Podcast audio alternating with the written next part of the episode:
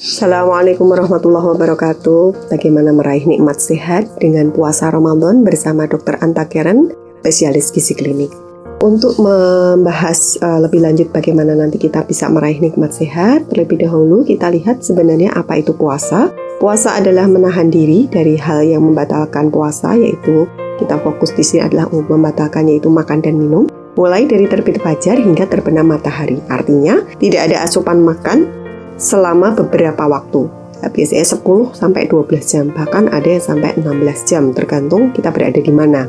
Kondisi ini nanti akan menyebabkan terjadinya perubahan metabolisme di dalam tubuh. Yang bisa kita lihat yaitu fase anabolik atau fase pembentukan, Masa pembentukan yaitu akan terjadi 1 sampai 4 jam setelah sahur, itu adalah fase anabolik ya. Kemudian setelahnya karena tidak ada asupan makan dan minum, maka akan terjadi fase katabolik, yaitu fase pemecahan. Ini adalah pemecahan dari cadangan-cadangan energi yang ada. Ini terjadi sampai dengan 12 jam ketika kita berpuasa. Nah, selain perubahan metabolisme, kita juga bisa melihat yang pertama adalah lambung. Ya, jadi produksi asam lambung berkurang karena memang tidak ada asupan makan yang masuk yang memicu produksi dari asam lambung.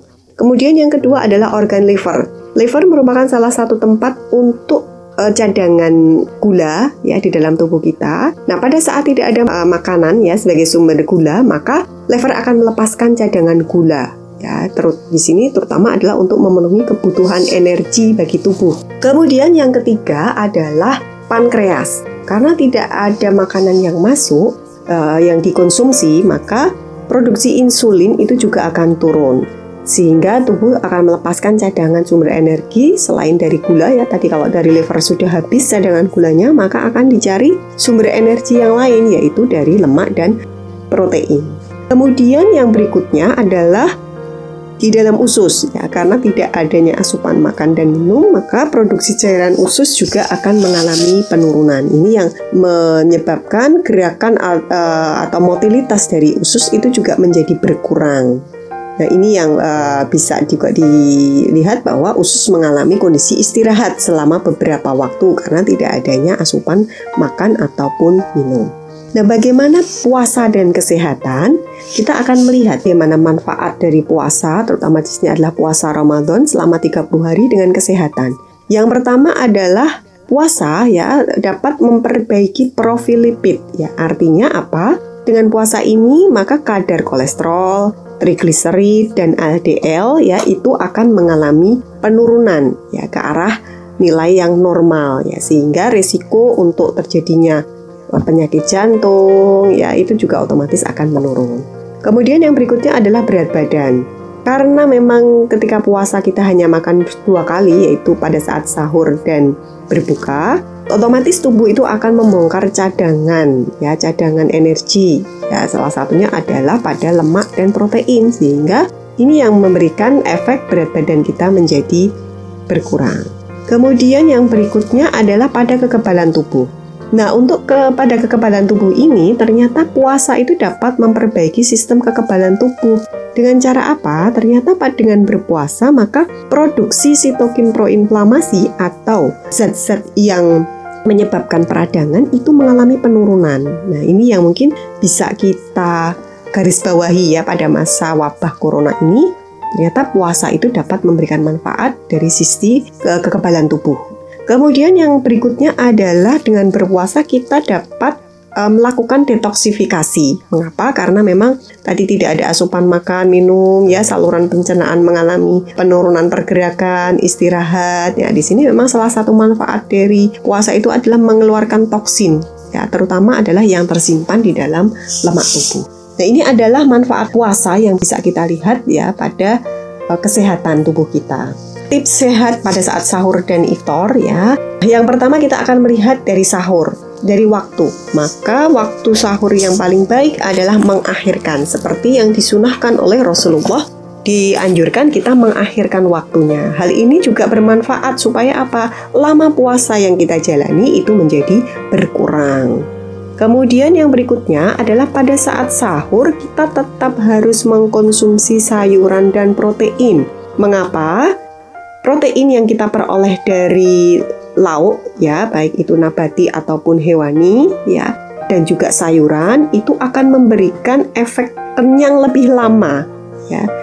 Dibandingkan kalau kita mengkonsumsi mie ya kalau mie itu cepat lapar. Tapi ketika kita mengkonsumsi sayuran dan protein yang cukup pada saat sahur itu akan memberikan rasa kenyang yang cukup lama.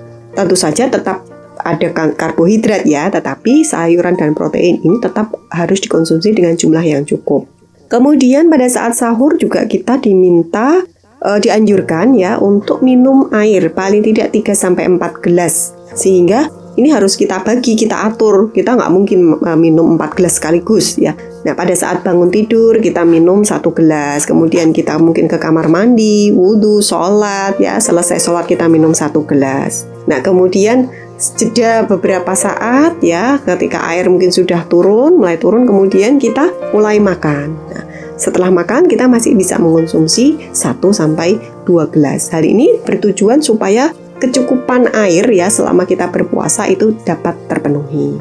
Nah, kemudian pada saat berbuka bagaimana? Yang pertama yang harus kita lakukan adalah menyegerakan. Ini pun sesuai dengan yang disunahkan oleh Rasulullah ya. Jadi ketika sudah azan maghrib, kita harus menyegerakan untuk berbuka, jangan ditunda-tunda. Nah, tapi di sini ada ada tapinya. Ketika kita iftar atau membatalkan ya, membatalkan puasa, kita tidak boleh mengkonsumsi makanan terlalu banyak. Misalnya langsung minum 3 gelas air, makan es satu mangkok atau makan nasi ya satu piring. Nah, tidak boleh ya, tidak disarankan untuk seperti itu.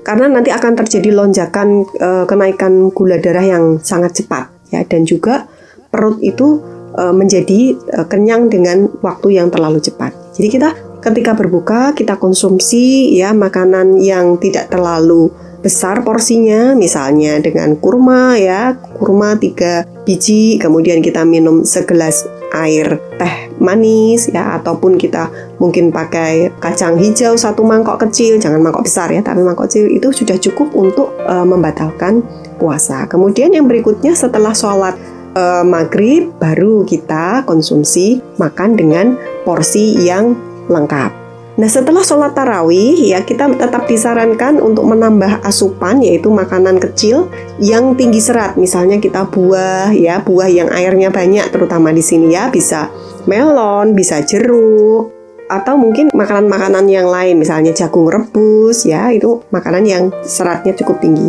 Dan kemudian tidak lupa kita konsumsi minum yang cukup ini kalau minum selama berbuka sampai dengan sebelum tidur bisa kita penuhi 5 eh, sampai 6 gelas. Nah, ini yang perlu perlu kita perhatikan adalah memperhatikan gizi seimbang. Artinya memang kebutuhan karbohidrat, protein, lemak yang kita peroleh baik itu dari nasi ya ataupun kentang atau yang penggantinya, kemudian lauk hewani atau nabati dan juga sayuran itu harus terlihat ini ada eh, panduan piring makannya. Dan pastikan bahwa konsumsi sayur dan buah itu cukup 4 sampai 5 porsi selama kita melaksanakan puasa Ramadan.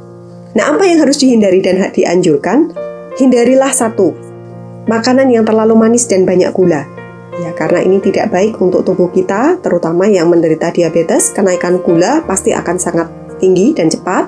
Kemudian yang kedua, terlalu banyak mengandung lemak. Nah, ini akan memberikan beban metabolisme yang cukup tinggi. Kemudian yang berikutnya adalah makanan yang digoreng. Ya, ini juga akan memberikan beban e, pencernaan yang terlalu berat untuk pencernaan kita. Kemudian hindari juga adalah makanan yang diproses atau diawetkan, misalnya daging asap atau uh, pindang ya, ataupun makanan-makanan yang ada pengawet, misalnya makanan kaleng ya, baik itu minuman ataupun buah ataupun sayuran. Dan yang harus dihindari juga adalah minuman yang mengandung kafein dan soda. Ini harus kita perhatikan. Jadi ketika berbuka, apalagi ya saat membatalkan puasa, kita tidak boleh konsumsi makanan yang minuman yang mengandung kafein dan soda. Kemudian apa yang dianjurkan? Satu, makanlah sumber karbohidrat yang kompleks, yaitu nasi, kentang, jagung. Jangan mengkonsumsi mie ya makanan yang dari sumber tepung ya karena ini uh, akan cepat menaikkan kadar gula dan juga uh, akan cepat memberikan rasa lapar.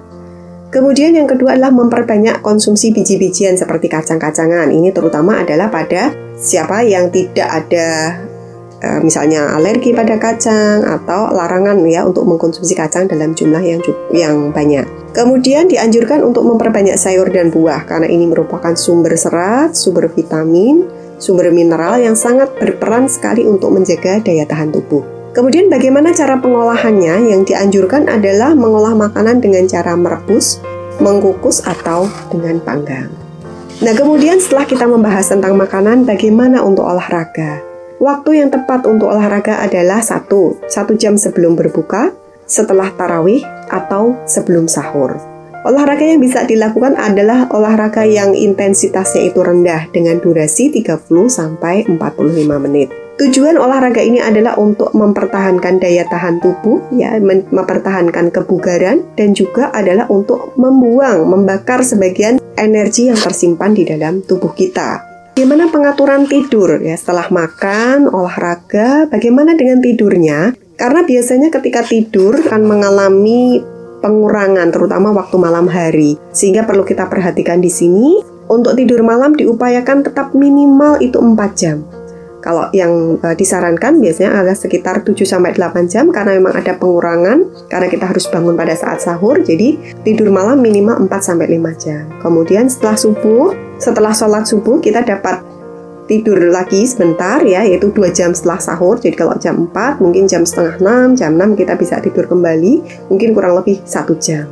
Nah jangan lupa ini yang sangat penting juga adalah menjelang duhur kita dapat tidur ya atau kailullah ya kurang lebih 20 menit tidak boleh terlalu lama ini tidur uh, siangnya ya jadi cukup 20 menit dan diupayakan pada saat tidur malam hari itu kondisi gelap atau lampu temaram ya ini untuk mengoptimalkan ya, mengoptimalkan tubuh melakukan regenerasi terhadap sel-sel tubuh.